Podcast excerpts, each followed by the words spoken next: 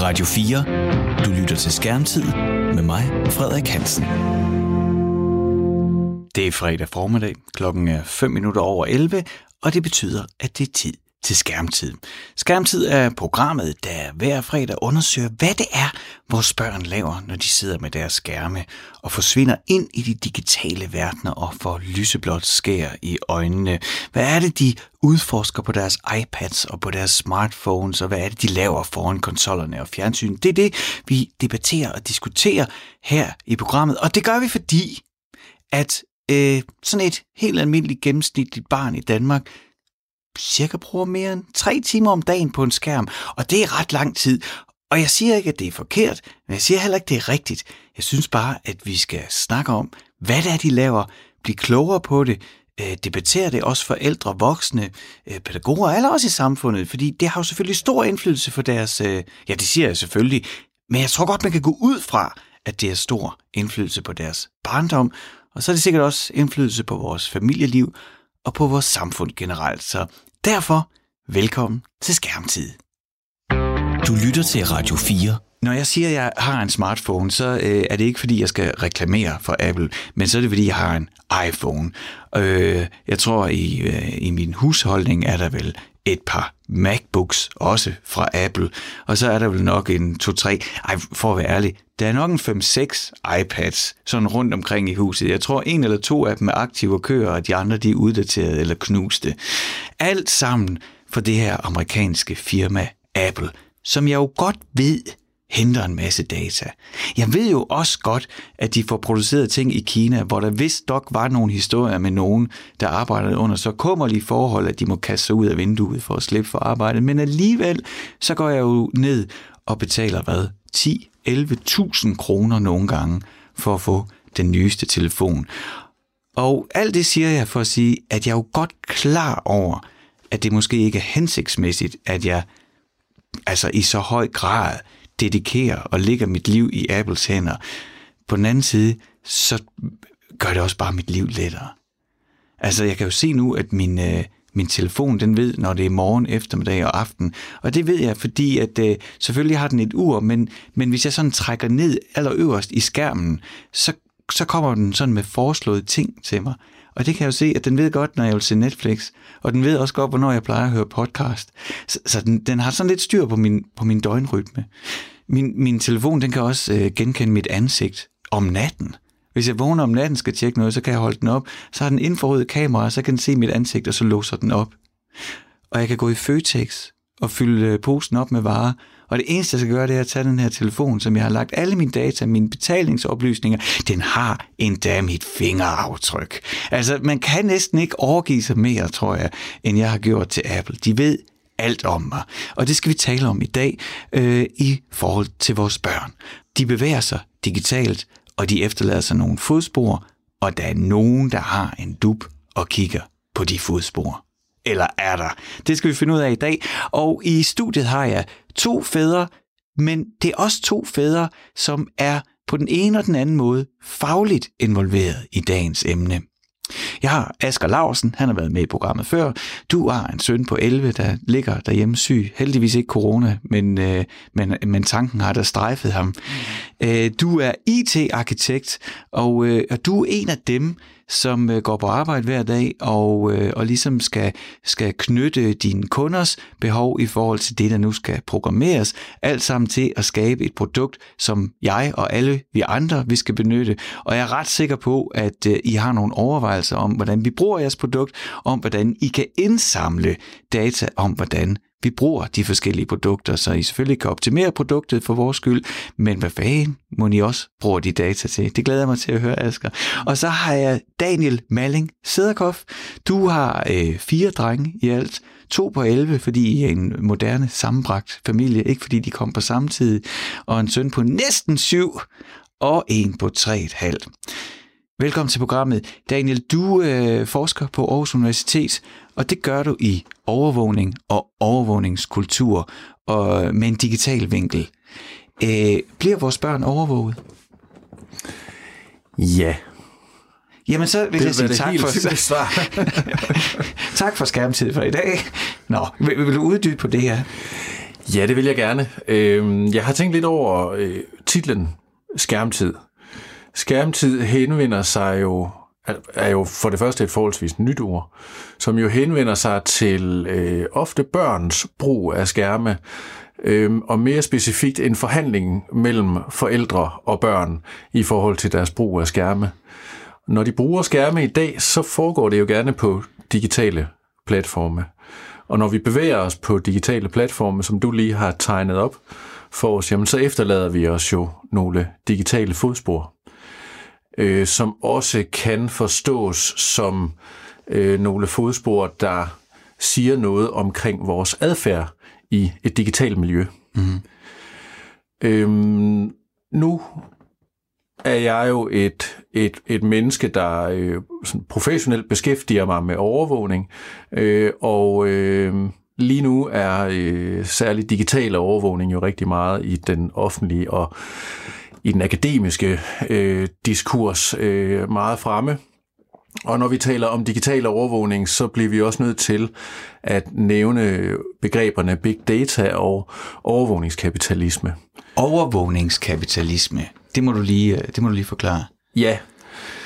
Øh, hvis vi skal have et begreb om, hvad den her data kan bruges til, og egentlig også et begreb om, hvor meget øh, data, der egentlig bliver indsamlet, så bliver vi nødt til at, at ligesom tage et, et lidt dybere spadestik ned i det her begreb overvågningskapitalisme. Mm-hmm. Øhm, man siger, eller rettere øh, hende, der ligesom køjnede det her begreb, Susanna Zuboff, øh, siger, at øh, det startede ligesom med, med Google. Øh, det starter med Google og deres search engine og deres, øh, hvad skal man sige, quest for at øh, mappe hele verdens øh, data. Mm. Og øh, der sker så det, at Google tjener ikke rigtig nogen penge, og der er en IT-boble og en hel masse historie i den retning. Og de finder her, her, herefter ud af, eller under øh, den proces finder de ud af, at, at de sidder faktisk med en hel masse data, som siger noget om folks adfærd, som måske kan bruges til noget i sig selv. Okay, så den her øh, boble i IT-økonomien, vi havde der i starten af 2000, så sidder Google, der er ikke nogen penge på kontoen, men der er masser af data. Hvordan kan vi tjene penge på dem? Lige præcis. Og man finder ud af, at, øhm, at man faktisk har fat i en guldgruppe her.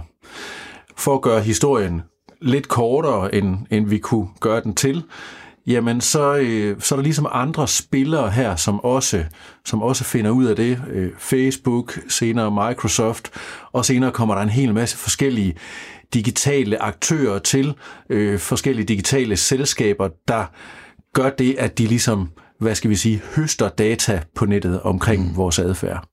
Det, der bliver pointen med det, det er, at den her adfærdsdata ligesom bliver råstoffet øh, i en produktion, hvor at produktet, overvågningskapitalismens produkt, simpelthen er algoritmer, øh, der kan ligesom forudsige og eller påvirke vores adfærd i bestemte retninger. Mm-hmm. Og det er vel egentlig altså, altså sådan traditionel markedsføring. Altså jeg tænker, jeg nævnte, at jeg handler ind i, i, i Føtex og betaler med min telefon, men jeg ved jo godt, når jeg går i Føtex, det er ikke tilfældigt, hvilke varer jeg møder hvor, og hvilke varer der er ved siden af hinanden, og hvilke varer der er prissat i forhold til hinanden. Det er vel egentlig bare traditionel markedsføring, eller hvad? En del af det er helt traditionelt, at, at vi ligesom indsamler data øh, i forhold til brugen af et specifikt produkt. Øh, hvordan virker det, og hvordan kan vi gøre det bedre? Det, der bliver øh, humlen i forhold til overvågningskapitalismen, er, at den her øh, adfærdsdata i sig selv bliver en handelsvare, eller mm. rettere øh, det her produkt til adfærdsforudsigelse bliver en handelsvare, som man kan sælge videre til tredjeparter.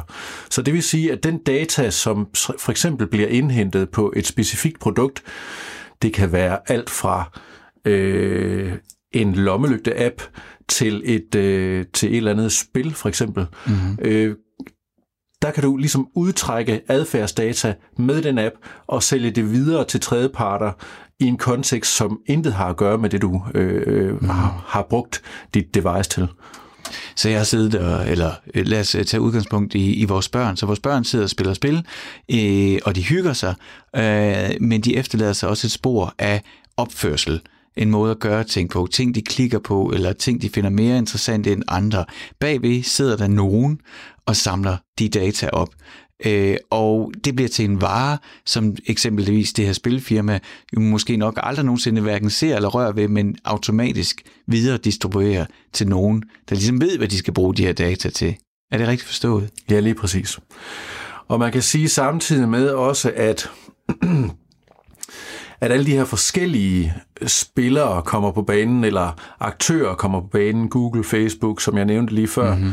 øh, jamen der, der, der sker ligesom øh, et, et, et land rush, som du kaldte det lige før, ikke? Mm. Hvor, hvor at øh, man jo ud fra en standard kapitalistisk øh, rationalitet tænker, jamen vi skal jo ligesom corner the market, vi skal jo sikre os så store mængder øh, af af, af vores råstoffer til vores produktion, og vi skal have dem billigst muligt.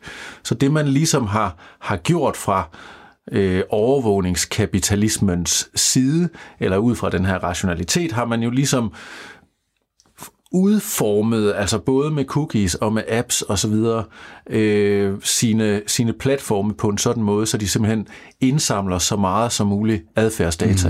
Mm. Mm. Hvor Google for eksempel købte YouTube, og Facebook købte WhatsApp, og Microsoft købte LinkedIn. Jamen så når vi ser på, at altså hvorfor købte Google egentlig YouTube, som på det tidspunkt overhovedet ikke gav noget overskud. Men det gjorde de, fordi at det var en mulighed for at man simpelthen kunne øh, få råstoffer til sin produktion. Og YouTube er nok den mest populære tv-kanal, hvis man kan kalde det for vores børn her i Danmark. Ser dine, får dine børn lov til at se YouTube, Daniel? Ja. Er du skeptisk over for, når de gør det? Jeg har været, øh, jeg har siddet med Øhm, og vi har også, øh, hvad skal man sige, parental control i forhold til, at de, at de kan surfe helt frit. Øhm. Men uanset hvad, når de gør det, så bidrager de jo til det her spil, som du sidder og observerer og forsker i. Lige præcis. Altså Lige jeg præcis. mener, uanset hvor meget på banen du er, så i det øjeblik, man går ind og ser noget gratis, som vi kan jo kalde det på YouTube, så er det jo fordi, at de leverer noget. Ja, og det bliver jo hele paradokset. Ja. Øhm. Men det vil jeg godt lige pause med og, ja. og vende tilbage til. Fordi Asger, jeg, jeg kunne godt tænke mig, hvis du, jeg, kunne, altså du er jo IT-arkitekt, og du arbejder med de her ting, øh, og med til at, at optimere hjemmesider eller digitale produkter, og, øh, og, og er jo interesseret i at vide, hvordan vi bruger produkterne. Hmm. Og ofte har vel også prøvet at være med, hvor nogle af dataene gik videre til tredje mand. Jeg tænker i det her tilfælde, at noget bærer reklamer, eksempelvis når man går ind på eb.dk, øh, eller en anden netavis, så er der jo reklamer. Det er jo ikke længere Ekstrabladets annonceafdeling, der sidder og, og, og, og, og sælger annoncer. Det er jo udliciteret, kan man sige, til de her øh, koncentrerede, for eksempel Google, der kan gøre det. Men mm. hvis vi skal skrue tiden tilbage, nu har Daniel givet os store overblik øh, og, og har en vis skepsis, øh, men øh, jeg kunne forestille mig, at hvis vi er tilbage i starten af nullerne, så var Asger Larsen drevet af en vis begejstring. Bestemt. Fordi øh, fuldstændig som, som Daniel han siger, øh, da Google begynder på det her på, på stor enterprise-skala, så sker der også det i virkeligheden i, i mange øh, virksomheder, store som små, måske først de store, at de begynder jo at at, at gøre det samme. De begynder at samle data på deres brugere. Øh, hvem besøger vores hjemmeside? Hvem læser vores nyhedsmail? Øh, hvem har vi i øvrigt data på i vores øh, Customer Relationship Management system, altså til vores telefonbog? Og man begynder at sammenføre data fuldstændig på samme vis, og for mange virksomheder har det været den samme, øh, hvad skal man sige, forholden sig til, det her det er vores råstof. Så du kan sige, som, som Daniel egentlig tegner det her omrids af den her overvågningskapitalisme, jamen så begynder man egentlig at kende sine brugere mindre i sådan, i sådan klassisk relationelt og kigge mere og mere på data og sige, okay, der var en, der købte noget på vores online shop. Mm. Kan vi finde en, der, der, der er man til øh, og få ham til at gøre det samme? Så, så der sker faktisk præcis det samme på... Men er det det, der sker? Er det sådan, I arbejder, Asger? Altså øhm, det der med, der er en, der har gjort noget.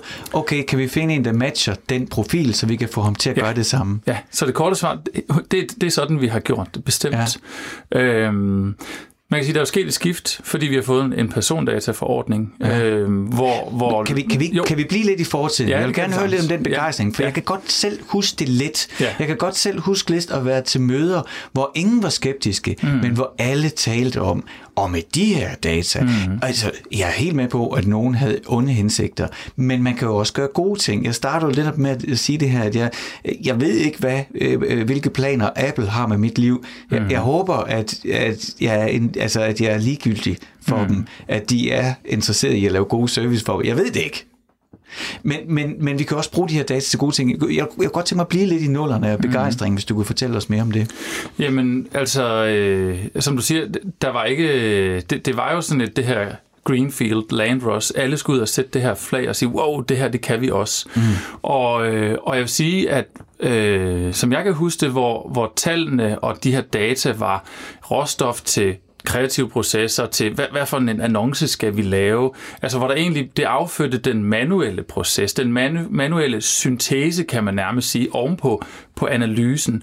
Så begyndte der at ske noget, hvor nogen sagde, jamen, hey, vi kan lave det, man kalder predicting eller, eller, eller online betting på, på, rek, på reklamepladsen. Det vil sige, jeg behøver ikke længere at skal sige, ringe ind til Ekstrabladet og sige, jeg skal have en annonce i her, for jeg kan se mange af jeres brugere. Nej, det kan vi nu have en, et lille stykke kode til at gøre. Så mm. vi begyndte at superoptimere de her processer. Altså, så jeg tror ikke, der er nogen... Øhm, jeg skal ikke sige, at der ikke er nogen, der, der har tænkt, de vil være onde, men jeg tror egentlig bare, fordi den teknologiske udvikling gav os mange muligheder, så er det bare eskaleret hurtigere, hurtigere, hurtigere, og vi har ikke rigtig tænkt over, hvor det fører os hen. Mm. Vi bare åh, oh, det er smart, det ja. øhm, så, øh, så, så, så, så, altså jeg kan også huske hele det her Google Analytics, som jo blev i virkeligheden sådan øh, næsten Google, der kom ned fra, fra bjerget med, med tavlerne og, og gav os alle sammen det i hænderne og sagde, her er vores produkt, nu kan I samle ind og gøre det samme. Altså, det, det var jo virkelig mm. øh, et, et new chapter i, i, den, i den digitale øh, kanon, altså der, der skete der. Radio 4 taler med Danmark. Mange af de her apps, øh, som er i App Store og i Google Play, øh, de her spil, der er jo sådan set kun én model tilbage, når vi snakker forretning. Og det er det, der hedder free to play, eller hvordan er det, hvad, hvad, hvad, hvad, er det det, det hedder? Altså, at du kan henspille gratis. Du skal ikke betale noget. Du kan godt finde et område, hvor du kan betale for at vinde, men du kan sagtens bruge masser af timer på det her spil, uden at betale noget. Og det gør min datter. Hun henter spil ned, hun øh, henter spil ned, som de andre spiller, og øh, det eneste, jeg sådan set skal gøre, det er øh, at godkende, om hun må hente det eller ej, fordi jeg skal ikke betale noget. Det er ikke ligesom, hvis vi går i butikken, og så koster det her, det her, det her, det. Og det er ikke øh, ligesom lige på et tidspunkt, var der sådan nogle spil, hvor man kunne købe smølfebær eller sådan noget. Så betalte folk 600 kroner, og så kom der shitstorms, og så stoppede det hurtigt. Jeg skal aldrig betale noget. Jeg betaler aldrig noget for computerspil. Og jeg siger det igen, når jeg siger computerspil, så er det apps. Og det er jo fordi, at hele den her markedsføringsstrategi, den er jo lagt ind i de spil, mange af vores børn spiller. Mm.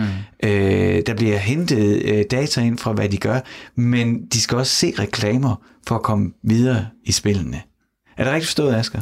Ja, altså det er, det er jo helt sikkert, at det er der jo et segment eller et område af de her apps, der gør. Men jeg tror også, det at vi har fået så mange data og over, altså det er jo mere end 10 år, vi har haft, snart 15 år, hvis ikke mere i virkeligheden, vi har haft de her data. Nye begreber er jo også poppet op i den digitale verden. Det her, man taler om, om customer life value. Altså, at vi begynder nu at kunne have data på at sige, vi kan godt give dit barn et spil gratis, for vi ved over tid, der, det siger vores data os, over tid, så, så skal du nok konvertere til et køb. Så skal du mm. nok købe et skin ind i Fortnite. Det kan godt være, det tager en måned, det kan godt være, det tager et år, men vores data viser, at over lifetime, der, skal, der, der bliver du mere værd for os. Øhm, så, så jeg tror, det, det, det er mere nuanceret end blot, okay. at vi vil sælge dig reklamer. Jeg tror ja. også, det er lige så meget, at vi, vi kan bygge andre forretningsmodeller, men mm. som, som bliver de her subscribe for life. Altså, du, du kommer aldrig ud af det igen et eller andet sted. Altså, du, du bliver ved med at, at, at hænge fast, fordi det, det ved vi, det, det skal vi nok få dig til. Mm. Men Daniel, altså, øh, hvis produktet er gratis, så er det jo fordi, det er mig, der er produktet. Er det ikke sådan, det er? Så er det fordi, det er dig, der leverer råvaren. Ja.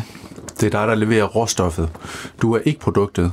Du er øh, råstoffet, eller rettere sagt, din data, øh, din, din Min adfærdsdata ja. er produktet, mm. eller råvaren, undskyld. Og, og, og når vi lige snakker om hele den her teknologiske udvikling, og, og, og hvor hurtigt det hele går, jamen altså i et overvågningsperspektiv med teknologien, jamen der, der har øh, den digitale tidsalder, eller digitaliseringen som sådan, har jo også, hvad skal man sige, øh, altså revolutioneret overvågningen et eller andet sted. Øh, Tidligere snakkede man om øh, modstrategier for overvågning, kunne for eksempel være at producere så meget data, så, så vedkommende, som gerne vil vide noget om, der simpelthen ikke kan finde hoved og hale mm. i, hvilken viden kan vi egentlig trække ud af det her. Hvor at i dag, jamen der giver teknologien jo os mulighed for at, at simpelthen processere øh, så ustyrligt mange informationer i sekundet, så man kan gå ind og begynde at arbejde med, med big data. Øh, så, så på den måde kan vi lige, lige pludselig gå ind og stille spørgsmål i nogle mængder af informationer, som før i tiden ville være fuldstændig umulige. Mm. Altså, du, du, øh, du køber øh, bananer, om de er økologiske eller om de er ikke økologiske. Du ser Netflix, Netflix på det tidspunkt, du køber bøffer, når det er øh, 22 grader og let brise. Og, altså, hvad søren skal, mm. vi, skal vi uddrage af det? Øh, men, men men der kan sådan nogle kæder som Walmart for eksempel gå ind og, og forudsige, jamen, hvornår skal vi stille bøfferne øh, øh, frem, hvornår skal vi stille Gatorade. Og Walmart frem. er, er den her amerikanske kæmpe kæde af shopping malls, altså, ja, eller kæmpe præcis, indkøbscentre. Lige præcis, som, som faktisk med den her øh, teknologi har fundet ud af, jamen altså, amerikanerne køber flest bøffer, når der er over 22 grader og let brise, og det giver ikke mening at reklamere for Gatorade, medmindre der er over 24 grader, for eksempel. Mm. Okay, så det er konkrete eksempler, hvor, ja. hvor alle de her data, de så bliver brugt til at optimere salg. Ja, lige præcis. Men er det noget problem, at, øh, at vores børns adfærd på iPads og smartphones øh, bliver overvåget, og at deres øh, adfærdsel bliver til en råvare, nogen høster? Nå, men nu snakkede du jo øh, selv om øh, øh, convenience lige før, ikke? Ja, altså øhm, bekvemmelighed. Bekvemmelighed. Øh, der, der er jo øh, en, en vis form, eller en stor mængde af bekvemmelighed ved, at vi ligesom får skræddersyet vores, øh, vores hverdag, vores digitale hverdag til os, og vores digitale platforme kan, kan hjælpe os i det fysiske liv. Øh, hvis, hvis, øh, altså hvis vi kigger igen på, på overvågning, så kan vi jo tage det som en vidensproduktion. Jamen, når vi observerer noget systematisk over tid, så er vi i gang med øh, at indsamle data, hvorudfra vi kan producere en viden, der giver os en mulighed for at beherske noget på den ene eller den anden måde. Øh, man kan tage et eksempel, der hedder... Øh, biologien, for at tage et meget aktuelt eksempel. Mm-hmm. Øh, altså, øh, lige nu er der jo nogen, der arbejder rigtig meget på at producere øh, viden omkring coronavirusen, og hvordan vi kan, øh, nu kan vi ikke forebygge mere, men vi kan forsøge at inddæmme, og vi kan forsøge, forsøge at helbrede, og, og så videre. Men den selv samme viden kunne jo i en anden kontekst også bruges til krigsførsel, for mm. eksempel. Så, så, Bare lige for at uddybe på det, så, så det du mener, det er, at i det her tilfælde med, hvor vi har corona øh, på kanten af epidemi, hvornår det, det, det indtræder, at der er alle de her overvågningsdata, hvor vi har været, hvem har mødt hvem, hvem har det. Ud af de her data kan vi mere kvalificeret lave indsatser for at dæmme op og sige, nej, nu skal det her område, Norditalien, nu er det så blevet hele Italien, men, men vi kan bruge data til at inddæmme områder og, og tage, træffe kvalificeret valg. Ja, det vil vi kunne. Og mere overordnet, så kan man sige, at at, at det jeg også forsøger at pege på med det eksempel, det er ligesom at sige, jamen spørgsmålet bliver jo, hvad vi vælger at bruge en hvilken som helst form for vidensproduktion til, mm. altså en viden til øh, som vi snakkede om, inden vi gik herned, ikke? At, at, at med, med, med atomfysikken kan vi lave bomber eller, eller lave kernekraft. Ikke? Altså, mm. hvad vælger vi at bruge den viden til? Vælger vi at bruge den til at optimere et produkt? Vælger vi, øh, den, øh, og, altså, hvad er kriteriet for vores optimering? Er det, øh, at vi... Øh, øh, stimulere børnenes kreativitet og fantasi, eller er det, er det, at vi får dem til at bruge længere tid på en bestemt platform, sådan at de afgiver mm. mere data ja. til os? Eller er det begge dele? Fordi at øh, en, en vanvittig populær øh, platform øh, og digital platform blandt børnene lige nu er den her TikTok Platform, som er en kinesisk øh, fildelingstjeneste, det tror jeg må være den tekniske term.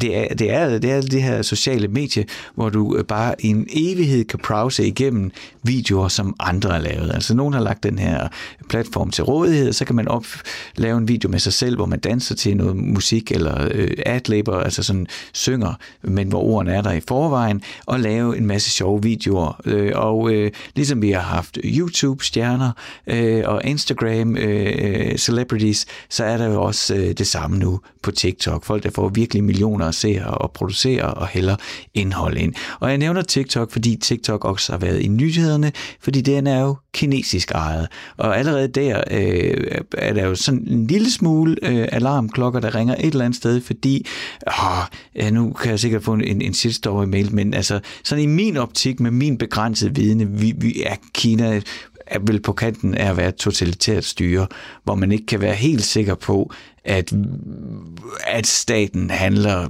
demokratisk. Øh, så øh, det er dermed sagt, at vi ved, at firmaer og store firmaer i Kina, Kina jo ikke er uafhængige af staten. De er ikke frie af den af kinesiske myndighed. Så der er, der er en eller anden... Den kinesiske myndighed vil i hvert fald have en adgang, tror jeg godt, man kan gå ud fra, mm. til de her data. Og det er en lille smule uklart, hvad der sker med de her data, og hvordan de bliver samlet ind, og de er jo på brugerniveau. Og, og, og jeg kommer til at tænke på det, Daniel, fordi du siger, skal den bruges til noget kreativt? Jamen det kan du da få de første 100.000 danske børn til at sige, at TikTok er en ekstremt kreativ platform, hvor de kan prøve sig selv af, og øh, de kan lave dansevideoer, de kan lave tricks, de kan lave alle mulige ting, hvor øh, hvis jeg med min øh, pædagog, øh, psykolog, øh, mediekendskab til børn vil sige, det der, det er en god leg der står, øh, der er tre børn, der er opslugt af noget. Det kan da godt være, at det er en telefon, der ligger der. Men altså, de er, øh, de udvikler, øh, de designer, de gruppearbejder, de øh, øh, er i proces, optager, prøver igen, optimerer. De gennem alle de ting, vi egentlig gerne, eller jeg i hvert fald gerne ser vores børn gøre, øh, hvor man siger, at de skal nok lære ABC og tælle til tre, men, øh, men øh, jeg vil rigtig gerne have, at øh, mine børn kan fungere i grupper, og kan øh, fungere i processer, kan skabe i proces sammen med andre. Der tror jeg, det, det er der, vi er gode. Ikke? Så, så det er den jo, den her TikTok jo, på alle måder. Altså virkelig en platform, der inviterer til, som kigger. Og så er der så bare lige den der helt store skepsis, det er en kinesisk fildelingstjeneste, og vi ved ikke, hvor dataen de ender. Har din søn øh, TikTok, øh, Asger? Øh, nej, det har han ikke endnu. Og, øh, og faktisk lidt af de samme årsager. Altså jeg har været mere tilbageholdende. Han er de her 11, snart 12.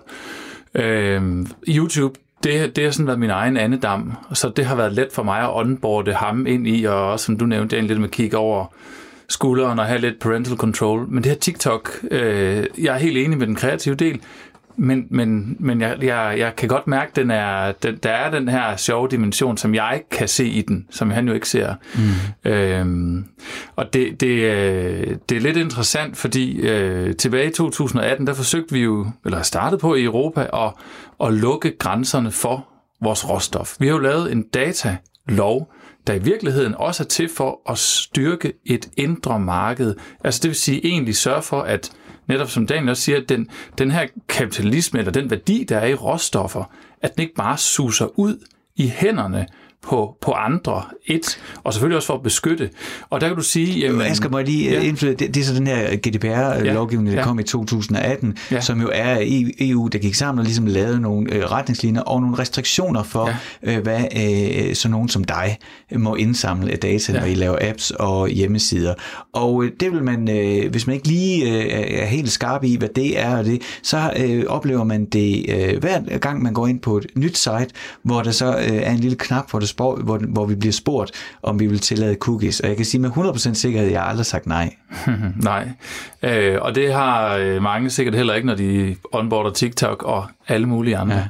Ja. Øhm, forsøget med, med eller, eller det, som, som forordningen egentlig tilstræber, det er jo egentlig at, og, øh, og nu synes jeg, at den her analogi med, med, med atomkraften er rigtig fin, men egentlig også at gøre, gøre, øh, gøre persondata værdifuldt, øh, gøre den ejet af personen, og egentlig også gør den lidt ligesom plutonium over for virksomhederne. Mm-hmm. At hvis ikke du har noget at bruge den til, så skal du se at få dig skilt af med den, og det skal du altså gøre ordentligt, så andre ikke får fat i den og udnytter den mm-hmm. til kernekraftvåben, for nu at bruge den terminologi. Mm-hmm. Så, så, så det, det har nogle positive drivers for den her, den her kapitalisme, der, der er løbet langt. Øhm. Men, men det er jo en, en udfordring, hvis der så kommer en, en digital snabel ind i vores råstof, som både er vores børn, og så også er vores børns data mm. i virkeligheden, og trækker det ud. Ja. Øh, fordi sådan lidt metafysisk set, så er det en, en snabel ned i vores olieboring, øh, som er vores næste generationer. Ja og med fuld blæs på ansigter, hvad man mm. ikke kan trække ud af data af det, og, og som jeg, jeg tror du også nævnte på et tidspunkt, Asger, det her med, at, øh, at man med kameraerne nu, og at, at man kan zoome så langt ind, at, øh, at man kan, det ved jeg da også, øh, der er der faktisk et firma her i byen, øh, Resilio, som laver sådan en afstressningsapp, og den tjekker din puls, mm. og det gør den med kameraet i mm. telefonen. Ikke? Mm. Øh, så, så de informationer kan man jo sikkert også, øh, kunne man jo forestille sig, at man også kunne øh, trække ud af TikTok, og lige pludselig har man været 100, 400, 500, en milliard brugere, der filmer sig selv og leverer øh, puls og blodtryk, eller hvad man ellers skal trække ud af sundhedsdata. Måske ved, ved Kina, hvem af vores børn, der har corona. Måske er det, er det indekseret. Du lytter til Skærmtid med mig, Frederik Hansen.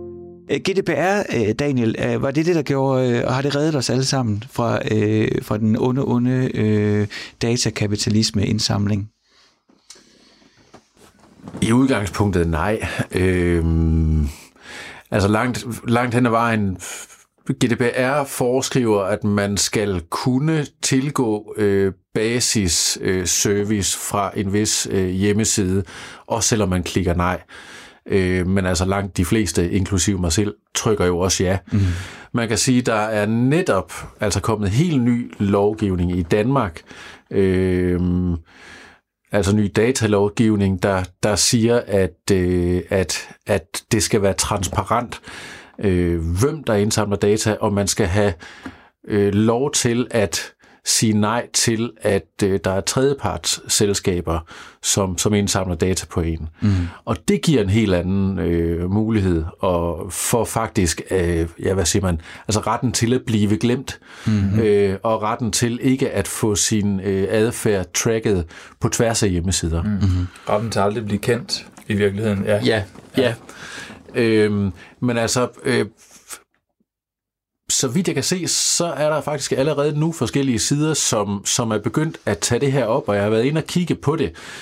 Øh, og jeg skal jo trods alt alligevel, hvis jeg skal sådan forsøge at sætte mig lidt ind i det enkelte site, når jeg sådan gerne lige hurtigt vil ind og søge et eller andet, så skal jeg jo bruge et sted mellem 2 og 5 minutter øh, på at opte ind og ud af alle mulige forskellige øh, øh, hvad hedder det, muligheder, før jeg egentlig kommer derind, hvor jeg gerne vil til. Mm-hmm. Så jeg vil skyde på her, og altså, det er ikke, det er ikke altid, at jeg ligesom har, har tålmodighed til det, og jeg vil skyde på, at, at, det, at det er de færreste, der har det. Mm-hmm. Og derudover, så kan man også sige, at altså terms of service, som vi jo ellers gør med, med altså Internet of Things, for eksempel, ikke? Altså, altså det her med, at, øh, at, at, øh, hvor, at en, en dåse tomater kan være intelligent og fortælle, hvornår den løber ud. Lige præcis, at vi kan have et, et, et smart hjem, øh, hvor, hvor, hvor vi har en, en centraliseret digital øh, øh, hvad hedder det, skærm, hvor vi kan, hvor vi kan styre det hele fra, mm-hmm. som fortæller os netop, øh, om vi skal ud og købe øh, tomatdåser, øh, eller, eller om vi har, har nok. Jamen altså, øh, et amerikansk universitet øh, forsøgte at se på en af termostaterne i det her, og forsøgte ligesom at, at gå i dybden med de her terms of service og komme frem til, at, jamen, at du skulle læse over 1000 siders øh, materiale, altså såkaldte kontrakter, for bare den her ene enhed, for at forstå, hvad det egentlig var, du sagde ja til her. Mm. Øhm, og man kan sige, særligt med den nye datalovgivning, der kommer her, og nu taler vi jo altså kun, når vi surfer på nettet og cookies, jamen der er vi måske et, et lille skridt på vejen. Måske er, er vi begyndt at gå baby steps øh, i forhold til at begrænse mm. den her form for, øh, for kapitalistiske, øh, overvågningskapitalistiske dataindsamling. Mm. Og, og så på den anden side, ikke? så øh, jeg har ikke helt styr på øh, præcis, hvem er verdens rigeste mand, eller hvem er i top 5, men jeg ved i hvert fald, Jeff Bezos, han, øh, han ligger deroppe efter, om det så var før skilsmissen eller efter, det er jeg ikke helt styr på, han har rigtig mange penge. Det var det, jeg prøvede på at sige. Mm. Øh, og øh, Jeff Bezos er jo ham, der startede Amazon, altså den her øh, øh, platform, hvor vi handler på, som øh, jo er stor i Danmark, men jo ikke i nærheden af at være lige så dominerende i Danmark, som den er eksempelvis i Tyskland, og især i USA, hvor man altså også kan få det her device, der hedder Alexa. Og Alexa er jo øh, den her ting, du sætter op ude i køkkenet eller i stuen, som lytter Øh, eller måske gør den først, når man siger Alexa. Måske lytter den hele tiden. De siger, den lytter først, når man siger Alexa, men man har jo lov til at være skeptisk, når man sætter en mikrofon op i eget hjem. Øh, og så, siger, så snakker man med den, øh, og børnene kan spørge til lektier, og man kan spørge til skolen, og man kan bede den om at handle ind, og man kan gøre alle de her ting. Er det ikke arbitrært, at vi øh, 6 millioner mennesker har en, en lille lovgivning, altså når der er, øh, når vi er op mod de kræfter, Daniel? Man kan sige, med hastigheden af den teknologiske udvikling, og i det, at vi ikke har været os selv bevidste omkring det her, så er der simpelthen kommet nogle spillere ind på banen, som er som har en størrelse og en, en, øh, en viden om os, som vi ikke har set før. Og vi har særligt ikke set det på øh, private hænder. Øh, ofte har det jo været øh, stater, øh, når vi har talt overvågning, som vi har været skeptiske for. Mm. Og i dag, der kan man sige, at, at, øh, at magten har, har ligesom skiftet hånd i forhold til øh, overvågning, ikke? Og, og den viden øh, og den magt, som den viden giver. Mm. Øhm, det, der jo bliver, bliver det centrale er jo igen, at, at i, i det her land rush, i det her, øh, hvad hedder det, vedvarende øh, drive for at udvide sin adgang til, til råstoffer, jamen så forsøger øh, så forsøger man jo også at komme ud i vores fysiske virkelighed.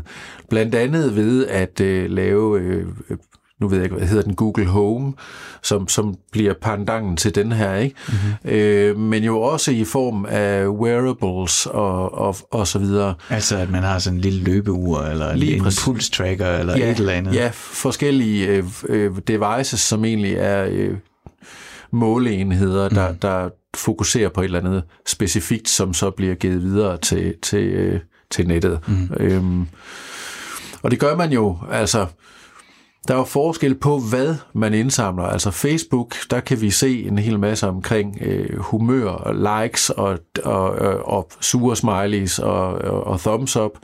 Øh, på det, du, øh, du nævner med, med, med TikTok, jamen der er vi jo inde i forhold til børns kreativitet og hvad hvad tænder deres fantasi? Hvad reagerer de positivt på? Hvilken musik vælger de igen og igen? Lige præcis. Øh, og, og når vi ser YouTube, ikke? Jamen altså, hvad, hvad, hvad, igen, i høj grad også, hvilken musik, men også på, på tværs. Øh, jamen altså, hvis de hører den her type musik, jamen, øh, så kan de måske også godt lide at se øh, de her klip og, og så videre. Og det er jo alt sammen øh, Altså så er vi jo igen oppe og tale i big data, ikke? hvor vi så kan gå ind og stille nogle meget specifikke spørgsmål mm. her øhm, ind i med teknologien i dag. Ja.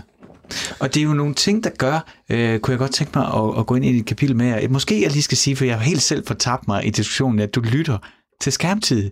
Med mig, Frederik Hansen. Med mig i studiet har jeg Asger Laursen, som er IT-arkitekt, og jeg har Daniel Malling Sederkoff, som forsker i overvågning og øh, overvågningskultur, øh, i dag med fokus på de digitale aftryk, vi sætter. Og det, som vi øh, trækker op øh, med de helt store penselstrøg, det er jo, at øh, vores børn lever i høj grad gennem deres skærme i en digital verden. De efterlader sig fodspor, og de fodspor er der nogen, der gerne vil samle ind. Det er det, vi taler om i dag. Øhm, og, og, og vi har talt øh, om, øh, om de forskellige teknologiske platforme, og, og, og og det, jeg godt kunne tænke mig at tale med om nu, det er, hvordan det ændrer vores adfærd. Øhm, jeg kan give jer et eksempel.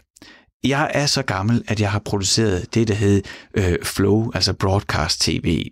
Så noget, der kom på, øh, på en skærm, man tænder, og så ser man, man sætter sig ikke ned for at se noget bestemt, man sætter sig ned for at se, hvad der kommer. Ej, det kan også godt være, at man tænder tirsdag kl. 8, for der kommer der hammerslag. Det kan man også godt lide. Det har man så blevet programmeret til. Men, men det er ikke sådan, at man sidder og udvælger specifikt, nu skal jeg se det her det. Jeg skal ind og se noget på fjernsynet. Og, øh, og dengang, at, øh, at det producerer man selvfølgelig stadigvæk. Øh, men dengang jeg gjorde det, så var det sådan, så havde jeg jo nogle overvejelser om, hvad er det for en øh, kurve, dramaturgien i det her program skal have. Og det var altid lidt med en lidt spids, måske en lidt sjov start, eller noget med at komme glidende i gang, og så skal vi op og bygge op, så bygger vi op mod et spændingspunkt, hvor jeg skal have fat i folk, så kan jeg godt tillade mig at brænde nogle minutter af, men så bygger jeg op igen mod, at her skal jeg holde dem, så jeg ved, at, øh, at de har lyst til at blive hele vejen. Og når man så kigger på seertalskurven, altså hvor mange kigger på det her, holder det op imod, jamen så er det sådan, at for eksempel, hvis der kommer hammerslag kl. 8 om tirsdagen, ja, det er sikkert flyttet sig, det ved jeg ikke, det, det, det er så lang tid siden, jeg har set fjernsyn, øh, så er der også lige, øh, så ved man godt, det kommer, så man laver også lige noget kaffe. Så hør måske lige med, og der sidder en foran fjernsynet. Jeg ordner lige det her. Ja, jeg kommer nu, jeg smører lige en ostemad. Og kommer man ind, og så sidst så er alle ligesom samlet. Ikke? Men der er sådan en, en glidende af de første 4-5 minutter ind til programmet, og så ser vi det. Og så på et tidspunkt falder vi fra. Det er, ikke, øh, det, er ikke, det er ikke os alle, der ser det færdigt. Så vi ser, at det glider sådan ud. Ikke? Så man kan forestille sig sådan en kurve, der, med, der, hvor det stiger ind, og så glider det langsomt ud. Det ser egentlig meget sådan harmonisk og dynamisk ud hele den her, øh, alt det her rappleri for at sige, hvordan laver man fjernsyn til YouTube? Fordi det er en helt anden behaviorisme, for du trykker play på et klik, og det næste du trykker, det er stop eller et nyt klik. Det vil sige, der er ikke nogen YouTube-klip, der starter automatisk, mens jeg laver kaffe, og så lytter jeg med og tænker, nå, det lyder spændende, det må jeg håbe på. Nej, jeg har allerflest seere i det allerførste splitsekund. Mm det der jeg flest ser. Og så styrdykker kurven, indtil den glatter ud, og jeg ligesom har dem, der hænger med. Mm. Det er en markant anden måde at blive underholdt på af levende billeder, og udvælge levende billeder. Der er teknologien, der er YouTube, og de kan jo samle de her data ind. Det er jo derfor, jeg siger det her. Ikke? Det, man kan jo virkelig lige pludselig optimere, hvor man før i tiden op, øh, producerede tv i blinde, så kan man jo virkelig optimere, for man kan se præcis, når det er på tissemand, de slukker, okay, det ord skal vi ikke bruge mere, i værste fald. Ikke?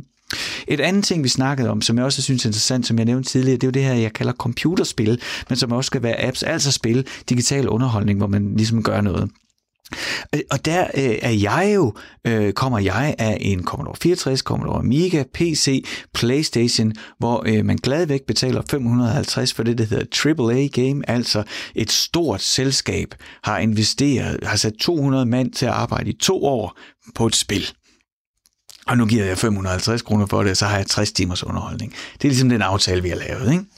Men hvor jeg aldrig nogensinde betaler noget på spil, når det er apps. Og Asger, du nævnte, ja, selvfølgelig vil man gerne have det her lifetime commitment, men der er jo også spil, som bliver lavet altså virkelig kontemporært, mm. hvor det bare handler om at komme ind, det er gratis, kom ind, mm. brænd af, og så høster vi dine data, så får transformeret det til råstoffer og det. Og det er jo det, vores børn beskæftiger sig med. Ikke? Mm. Så, så, så jeg kan da godt blive sådan lidt, altså det har jo, det har jo en massiv indflydelse på den måde, vi konsumerer levende billeder, at spille på. Mm. Eller er jeg helt gal på den, Asger? Nej, altså, øh, det er, jo, det, er jo en, øh, det, er jo, det er jo rigtigt, og der er jo en anden sjov eller fin analogi i, at vores børn nogle gange sidder og bliver de der sådan øh, børnearbejdere, der sidder og cruncher igennem den ene og den anden øh, reklame, indtil de finder den, de konverterer på, altså den, der kan få dem til at gå hen og sige, åh, oh, sådan en ønsker jeg mig, far. Ja. Øhm, og jeg kan ikke lade være med sådan, når, når jeg sådan ser det her billede der, og sådan tænker tilbage på, på øh, sådan lidt historisk, sådan da, da vi da vi, øh, da vi sådan første gang havde, øh, havde udfordringer med vores børn tilbage i 1760'erne op igennem 1800'erne, hvor, hvor der kom det her, der hed en fabrikslovgivning, om at børnene de nu ikke bare måtte arbejde, Altså retten til, at børn ikke måtte arbejde. Og, og det er som om, at så kommer den anden øh, teknologiske revolution. Nu er vi den her informationsrevolution, hvor vi er ved at finde ud af, at vores børn må ikke bare arbejde. Nu er det ikke arbejde, men det er alligevel lidt den der udnyttelse af ja. børnene. Den der, de sidder der og dataminer, ja. indtil vi ved nok om dem, til vi kan bruge dem. Nu er det så far og mors penge, vi skal have ud, men, men det er lidt den samme, den her udnyttelse, vi, der er ved at gå op for os voksne, ja. at, at vi, skal have, vi skal have sat nogle rammer. Ja. Øh, det er bare sådan sjovt, den der, det er sådan et eller andet, vi har set det her før, nu, men, men, men det er jo det der ved at ske et eller andet sted i en, ja, ja. en digital kontekst. De sidder og spiller, men de sidder også og graver ned i De sidder og graver efter, efter en rigtig reklame ja. til dem. Ja. Øh, det, det gør de jo i virkeligheden, mens de bliver underholdt med et eller andet, der, der giver en lille dopaminudløsning, øh, hver gang de køber et smølfebær, eller hvad det nu er for en spil, de sidder der og cruncher i. Daniel, grund til, at, øh, at vi tre vi sidder her, og det her det blev programmets emne, det var fordi, vi to mødtes i en anden sammenhæng, eller vi havde en telefonsamtale, øh, hvor vi talte lidt om det her sådan overordnet, og så sagde du, men øh, så alt det her, det har jeg jo en bevidsthed omkring. Og alligevel, så har jeg også øh, fire drenge derhjemme, som også gerne vil bruge iPad'en. Vil du ikke lige prøve at fortælle mig om det? Jo, lige præcis. Øhm, jeg vil lige tilføje til, til, til det, I lige talte om her, at, at, at det, der jo bliver, bliver pointen med det her, det altså i forhold til overvågningskapitalisme og overvågning og big data og hele Aha. smøren her, jamen det er jo altså den præcision, hvormed at man i dag kan gå ind og påvirke adfærd, forudsige adfærd. Ikke? Vi så jo øh, tilfælde i forhold til øh, ja, Trump-valget og Brexit og øh, efter sine også 200 andre demokratiske valg rundt omkring i verden, ikke? hvor at vi jo øh, øh, altså med den her teknologi kan, kan gå ind og gøre det i dag, som man kalder for psychographics. Altså hvor man går ind og siger på individniveau, jamen hvor får du dine nyheder fra? Får du dem fra Facebook? Får du dem fra DR? Får du dem via mail? Øh, Gør du det via tv? Hvornår på dagen gør du? Øh, øh, øh, hvilke typer af øh, hvad hedder det, øh, beskeder får dig til at at reagere. Mm. Øh, skal vi tale til din frygt? Skal vi tale øh, rationelt? Skal vi komme med rationelle argumenter? Skal vi øh, være patriotiske og tale øh, nationalsocialistisk osv.? Hvilket betyder, at vi i dag altså kan skræddersy øh, en kommunikation og udforme et digitalt miljø øh, med en sådan præcision, altså til enten at få os til at reagere eller blive på en platform længe nok. Mm. Og, med, og med den viden om, at dem, som de jo trækker den her adfærd fra, vores børn i det her tilfælde, mm. det er jo dem, som får lige præcis den type af skræddersyet kommunikation smidt tilbage i hovedet på dem. Mm. Øhm, altså med en viden om, hvordan at man kan som jeg jo har, ikke? Altså, mm. hvordan man kan bruge den viden imod vores børn til at få dem til at gå i en bestemt retning. Ja. Øh, som, og når jeg siger imod, jamen, så er det fordi, at det er jo en, en påvirkning, som er intenderet, uden at de selv er klar over det. Ja. Øhm, så på den måde synes jeg, at vi har et, et problem, og på den måde får jeg et problem i forhold til, at øh, altså de to store drenge, jamen der er jo en, en stor del af deres socialitet i dag, som er bundet op på, at man, at man ligesom kan have en skærm, øh, hvor man kan øh, finde øh, sjove klip og, og, og hvad hedder det, kaste op på øh, projektoren i klassen og, og skrive til hinanden øh, øh, igennem, ikke? Altså, mm. Daniel, du har al den her viden, ja. og du har en skepsis, og måske også en frygt. Og så har du fire drenge, som bare helt vildt gerne også bare vil have lov til at være almindelige børn på digitale platforme. Ja, får de lov til det? have skærmtid. Ja, men får de så lov til det? Ja, det gør de. Det gør de. Øhm... Og, og hvordan lever du med det?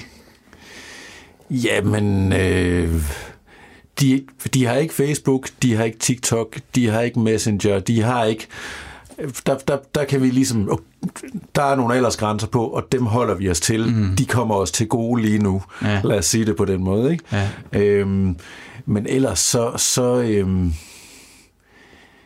jamen, jeg tror ligesom alle mulige andre, så, så, så bliver vi jo lullet ind i en eller anden form for øh, accept af, øh, hvad der sker. Altså jeg kan da huske der i, i, i slut 90'erne, da jeg fik min første PC og kom på nettet, ikke, og sad med en Tor-browser og jeg ved ikke hvad, altså en Tor-browser er sådan en, der smider vores øh, VPN rundt i hele verden, så altså hvis ikke det i forvejen tog lang tid at hente et billede øh, med, med et 256k modem, så gjorde det det eddermame, øh, når man samtidig fik flyttet sin, sin IP-adresse altså, rundt. Og, og, det du taler om, det var jo for at gøre øh, din øh, adfærdsel anonym.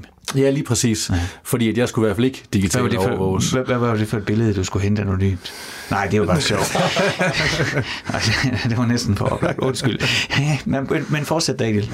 Ja, og så til, at øh, altså, du, du, du har brugt Apple, og jeg har brugt øh, Google. Ikke? Mm. Så Google ved også utrolig mange ting om mig, og det er enormt convenient. Ja. Og jeg har lige så stille øh, inkorporeret det mere og mere i mit liv. Ikke? Mm. Øhm, jeg tænker, altså det jeg gør i forhold til, til, til ungerne, og det jeg egentlig også gør i forhold til mig selv, jamen det er jo, at, at øh, med den viden, som vi har, jamen der kan vi jo aktivt øh, selv vælge til og fra, hvordan at vi gebærer os. Mm. Øh, både i, i det fysiske liv, men også i digitale miljøer. Jeg Klar. tænker, når de skal til på, på, på SoMe-platforme, jamen så skal vi til at have en snak omkring det. Men, men det er ikke, øh, og, og, og, og jeg synes jo, det er helt naturligt. Altså, øh, vi bliver nødt til at være pragmatiske, vi bliver nødt til at eksistere i det samfund, vi har. Altså, jeg ved jo godt, hvordan jeg klima øh, øh, sviner mest, men det, øh, og det prøver jeg jo også at, at på en eller anden måde at, at rette mig efter, men det styrer jo mig ikke 100% i al min adfærd. Har jeg brug for en plastikkop med en kop kaffe, og det er lige på det tidspunkt, jamen så gør jeg det jo. Altså, så, så der er jo ikke noget unaturligt i at have en viden. Jeg plejer at sammenligne også med den her kostpyramide. Altså, jeg ved jo godt, hvad jeg skal spise, og hvor meget jeg skal træne for at se flot ud. Men det er jo ikke ens betydende med, at jeg ikke spiser is og pizza. Asger, øh, vi skal til at runde af. Øh, jeg synes, det har været, øh, det har været øh, sygt spændende. Det bliver jeg nødt til at sige. Jeg, jeg håber, at folk derude, der lytter med, de, de stadigvæk øh, hænger med. Jeg synes, det har været spændende, og jeg synes, jeg har fået nogle indsigter, jeg ikke nødvendigvis havde før. Har du, øh, sidder du øh, med begejstring eller bekymring på din søn øh, August? Han er 11 på hans vegne i forhold til de digitale fodspor, han efterlader. Mm, jeg er nok et sted midt imellem. Jeg sidder med et ansvar. Fordi øh, jeg, jeg ser sådan her på det at viden uden visdom, det er, det er potentielt set mega farligt, og potentielt set mega godt. Det er tilbage til analogien mellem øh, atombomben eller kernekraften. Mm. Det, der skal få os til at vælge at bruge den her viden, det er visdom. Og det, der er mit ansvar, det er at være den forælder, der lærer min dreng som et barn i et videnssamfund, hvor viden er så meget tilgængelig, at bruge den vist. Mm. Og et eller andet sted ser jeg det også sådan et, et, hvis ikke vi gør det, så ender vi med, at, at vi har viden, men, men, algor- men visdom ligger i algoritmerne. Og der ser jeg et ansvar for os, der er ældre og har set det her. Mm. Vi skal sørge for at give vores børn nogle visdom og bruge det her fornuftigt. Ja. Asger Laversen, Daniel Melling Sederkoff, tusind tak, øh, fordi I var med her i Skærmtid, hvor vi prøvede at dykke ned i, hvad der er for nogle øh, fodspor, vores børn efterlader, når de er på digitale platforme, og, øh, og hvordan de fodspor bliver høstet og brugt. Tusind tak, fordi I var med. Selv tak. Selv tak. Radio 4 taler med Danmark. Skærmtid er ved at være slut for i dag. Klokken nærmer sig hastigt 12, så det er tid til nyhederne. I dag i Skærmtid har vi snakket om øh, de digitale fodspor, vi alle sammen efterlader, de er måske lidt mindre, dem vores børn efterlader, når de bevæger sig ud på de digitale verdener, men de har stadigvæk værdi for de firmaer, der sidder derude og transformerer vores fodspor, vores data, vores opførsel på de digitale medier, transformerer det ind til, til informationen, som de kan bruge til at blive klogere på os og måske være skarpere på at sælge os varer, eller hvad man nu kan forestille sig, man kan bruge sådan nogle data til. Det er jo derfor, at mange af de spil, vores børn spiller, og mange af de sociale platforme, de bevæger sig på, de alle sammen er gratis. Det er jo fordi, at kapitalen i virkeligheden er os, og alt det, vi gør på de platforme. Nå, nok om det emne for den her gang.